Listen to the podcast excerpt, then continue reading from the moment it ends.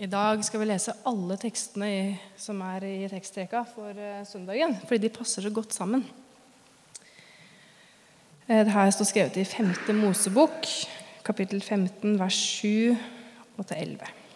Og Der står det skrevet om det er en fattig blant dine landsmenn i en av byene i det landet Herren din Gud vil gi deg, da skal du ikke være hardhjerta og ikke lukke hånda for din fattige bror. Nei, du skal åpne din hånd for ham og låne ham alt det han trenger. Gi ham villig, og ha ingen onde tanker i hjertet når du gir. For når du gjør dette, skal Herren din Gud velsigne deg i alt ditt arbeid og alt du gjør med dine hender. Du vil alltid være fattig i landet, og derfor påbyr jeg deg, lukk villig opp hånden for din bror, for de nødlidende og fattige i landet ditt. Tekstene i dag handler om rettferdighet, om nestekjærlighet, og de legger et ganske stort ansvar på oss som lyttere. I uka som har gått, har jeg tenkt mye på denne mannen, den rike mannen med alle de fine klærne. Og jeg har tenkt på nettopp hendene hans, for vi hører ordet 'hender' så mange ganger i de andre tekstene. Åpne opp hendene dine. Og jeg har tenkt på denne rike mannen sine hender som fikk stryke over de dyre plaggene sine. Hendene som fikk ta imot deilig mat som ble servert av hans tjenestefolk. Hendene som betalte de ansatte. Hendene som kjærtegnet de han elska. Hendene som kanskje en gang løftet opp et nyfødt barn i stolthet og takknemlighet over at slekta ble ført videre. Hendene som tok, og hendene som ga. Den rike mannens hender må ha vært velpleide, mjuke og gode. For rikdommen hans det gjorde at han slapp å slite seg ut.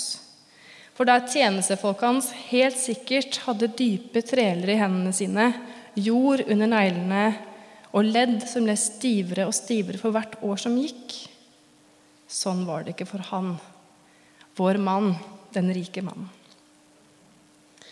Og så lurer jeg på hvor han hadde hendene sine når han hver dag gikk forbi Lasarus, som lå der rett utafor trappa hans. Holdt han armene sine kryssa foran brystet som en beskyttelse mot det ubehagelige synet? Eller viste han med hendene sine at han la merke til denne fattige stakkaren som lå der? Vinka han kanskje til han? Eller var kanskje hendene hans opptatt med andre ting?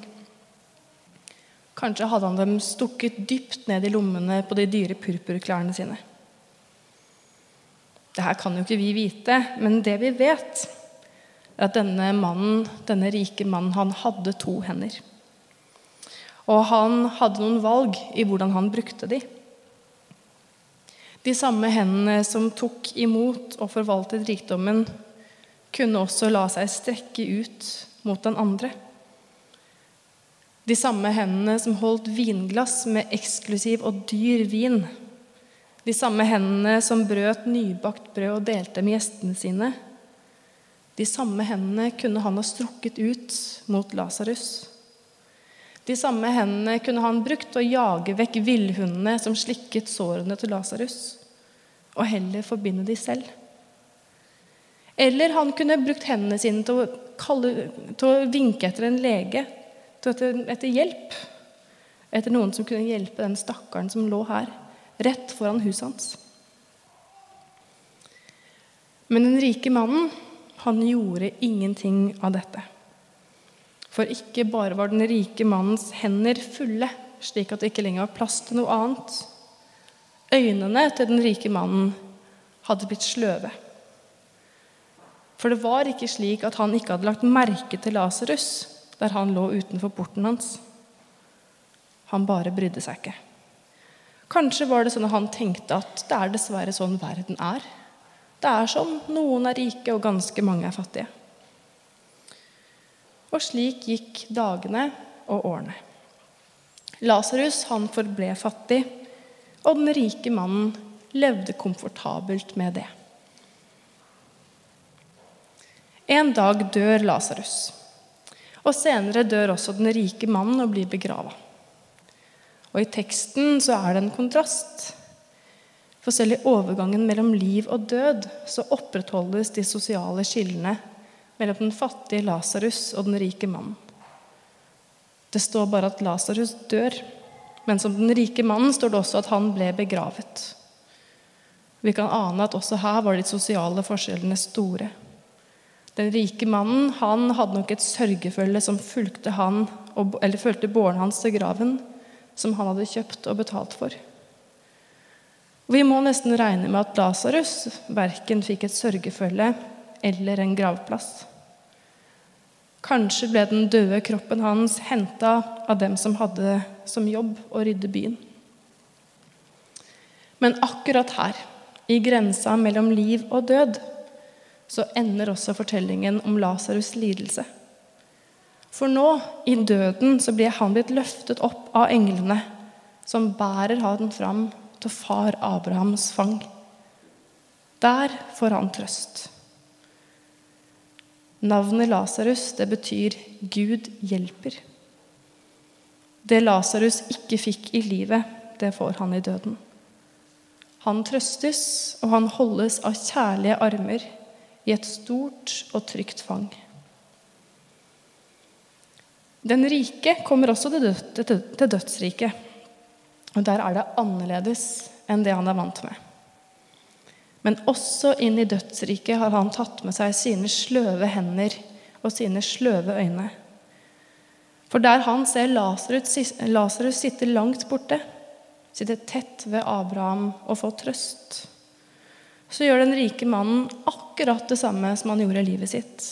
Akkurat, Han fyller akkurat de rollen, den rollen som forventes av den rike. Han henvender seg til Abraham, til den andre mannen her, med status, med makt, og ber Abraham om å sende Lasarus til seg som en tjener. Fremdeles, i den rike mannens øyne, så er Lasarus en som er under hans verdighet. Han er et middel, en som ikke engang er verdig til å bli tiltalt direkte av han, den rike. Den rike mannen ser fremdeles selv i dødsriket på Lasarus som en han kan bruke. En som kan bære vann til han og svale tungen hans. Den rike vil at Lasarus fortsatt skal være en tjener, også her i dødsriket. Men sånn er det ikke. Abraham, som betyr far til mange, han vil ikke vite av at Lasarus skal brukes mer til andres forgodtbefinnende. Abraham vil ikke at noen skal utnytte et av hans barn lenger. Lasarus skal få sin trøst, og den er det ingen som kan ta fra, fra ham. Fortellingen om Lasarus og om den rike mannen det er en fortelling om trøst, og det er en fortelling om ansvar. Eller egentlig så er det ikke en fortelling engang. Den er egentlig et eventyr basert på et eldgammelt eventyr fra Egypt som var veldig kjent på Jesu tid. Så når Jesus forteller om Lasarus og den rike mannen, så baserer han seg på rammeverket til et veldig kjent eventyr fra Egypt som handlet om en rik og en fattig mann som begge dør. Den rike får en stor begravelse, den andre får ingen. Og Det egyptiske eventyret forteller at i dødsriket så får den fattige mye glede fordi han hadde levd et rettskaffent liv, mens den rike hadde syndet mot gudene, og dermed ble han straffa. Og når Jesus forteller fariseerne, for det er nemlig fariseerne som er lytterne til denne teksten her, som er høyt utdanna i skriftene og i tradisjonene, så kjenner de igjen rammefortellingen. De kjenner igjen eventyret. Og, men Jesus gir eventyret en ny tvist. Fordi Lasarus får ikke mye glede fordi han har vært from, eller fordi han har vært troende. Det står at Lasarus får trøst fordi han har vært fattig. Så Jesus snur opp ned på eventyret sånn som man så ofte gjør. Den fattige skal trøstes, og den med et hardt hjerte blir minnet om at han hele tiden har visst hva Moses og profetene påbyr de som har nok til å dele med seg. Den fattige skal trøstes ikke fordi han har vært from eller troende, men nettopp fordi han har vært fattig. Og så hører vi et ekko fra bergprekenen der Jesus sier Salige er de som hungrer og tørster etter rettferdigheten, for de skal mettes. Det går an å tenke at det er rent fysisk hunger og tørst det er snakk om. Men altså fortellingen, eller eventyret om den rike mannen og Lasarus, det er en fortelling som er skapt for å trøste. Moralen er den fattige, at den fattige vil, som Lasarus, få hjelp av Gud. Men eventyret er også en kraftig utfordring til oss som hører det i dag. Fordi vi vet det. Vi er også rike. Vi kler oss også i fine klær, som ofte er sydd av fattiges hender. Vi spiser, vi reiser og vi stopper uten å tenke på at andre mennesker i andre land må forlate hus, land og hjem på flukt fra klimaendringer som er skapt av vårt ønske om å alltid få mer. Vår fear of missing out gjør at andre i verden aldri får muligheten til å leve et liv uten slit. Så påbudene fra dagens tekst fra 5. Mosebok Du skal ikke være hardhjerta. Lukk villig opp hånda di retter seg også i høyeste grad mot oss. For våre hender og våre øyne kan også bli sløve. Og da er eventyret om Lasarus, om den rike mannen, ment som en viktig oppvåkning for oss. For eventyret om Lasarus og den rike mannen er eventyret om den fattige som er navnløs på jorden, men som er kjent av Gud. Gud kjenner den navnløses navn. Og dette er egentlig ikke en fortelling om helvete. Det er en fortelling om rettferdighet, en fortelling om oppreisning og om trøst. Og dypest sett kan vi si at eventyret om Lasarus og den rike mannen ikke egentlig har sin endelige avslutning i vår tekst. For den blir liksom med inn i fortellinga om Jesus' videre liv. Når han kjemper med dødskreftene og vinner og står opp fra de døde. Fortellingen om Lasarus og den rike mannen er ikke først og fremst en fortelling som ender i dødsriket der den rike forblir i evig pine, der fellesskapet er splitta av en dyp kløft som ingen kommer over. Nei, fortellingen må leses i lys av den som forteller, av Jesus selv og av det som skjer med han. For hans sårmerkede hender bærer alle verdens sår, hele verdens synd og all verdens urettferdighet. Da Jesus sto opp fra de døde, så kunne ikke engang dødsriket bli stående uforandra. Han for ned til dødsriket for å nettopp skape den brua som går over kløften som skiller. Han sto opp igjen for å vise oss at kjærlighetens vei går fra Gud til alle mennesker. Og den kjærligheten leves ut mellom oss mennesker. Derfor handler ikke fortellingen først og fremst om en himmel eller om, en, om et helvete. Den handler om himmelen også, den handler om den trøsten som venter de som lider. Men kanskje handler den enda mer om livet her og nå. Det handler om alle Lasarusser som finnes. Og den handler om alle oss som har hendene fulle med vårt eget. Eventyret om Lasarus og den rike mannen det røsker litt i oss og minner oss med stort alvor om at hjertene våre de skal ikke bli harde. Og våre hender de skal ikke være lukka, men de skal være åpne. Og lever vi sånn, så lever vi sårbare liv. For myke hjerter, de må ta imot andres smerte. Og åpne hender kan ikke tviholde på det som er mitt, men deler med andre. Og myke hjerter og åpne hender er livsfarlige for alle krefter i verden som ønsker å tilrane seg mer, og alle ideologier som sier at menneskelivet dypest sett handler om å få, eller handler om økt vekst og økt rikdom. Myke hjerter og åpne hender er livsfarlige for kapitalismen og for alt som forteller oss at det viktigste her i livet er å tilfredsstille alle våre behov koste hva det koste vil. Og myke hjerter og åpne hender slår sprekker i apatien vår og setter oss fri til å velge noe nytt, til å velge noe annet.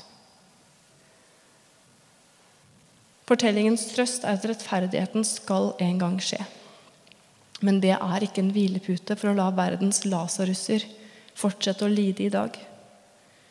Eventyret trøster og forteller at Gud kjenner den fattige, og Gud kjenner alle lasarusser over hele verden.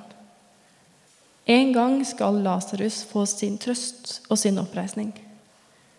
Og det gjelder alle lasarusser, også de som bor blant den privilegerte middelklassen i Norge. Også blant oss, vi som er privilegerte, så finnes det lidelse og fattigdom som kan være usynlige for andre, men som er like virkelig til stede likevel. Den 10. oktober markerte vi verdensdagen for psykisk helse. Og nok en gang ble vi minnet om at bak maskene våre kan det bo mye smerte og mye ensomhet. I et rikt liv kan det også bo en Lasarus. Den smerten som har satt seg fast pga. utenforskap, mobbing, omsorgssvikt og overgrep, er også smerte som Gud ser. Trøsten i fortellingen er at en gang skal også dine, våre og mine sår leges av en som har sett oss, og som kjenner våre navn. Myke hjerter og åpne hender. Tenk om vi kunne leve sånn. Til slutt vil jeg be en bønn som er skrevet av en nonne for 500 år siden, som het Therese av Avila. Og jeg syns den passer for dagen i dag. La oss be. Herre Kristus, du har ingen annen kropp på jorden enn våre kropper. Ingen andre hender enn våre hender. Ingen andre føtter enn våre føtter. Det er gjennom våre øyne din medfølelse skuer utover verden. Det er ved hjelp av våre føtter du fortsatt kan vandre rundt og gjøre det gode. Det er ved hjelp av våre hender du i dag velsigner mennesker. Velsign våre sjeler og kropper, slik at vi kan være til velsignelse for andre. Amen.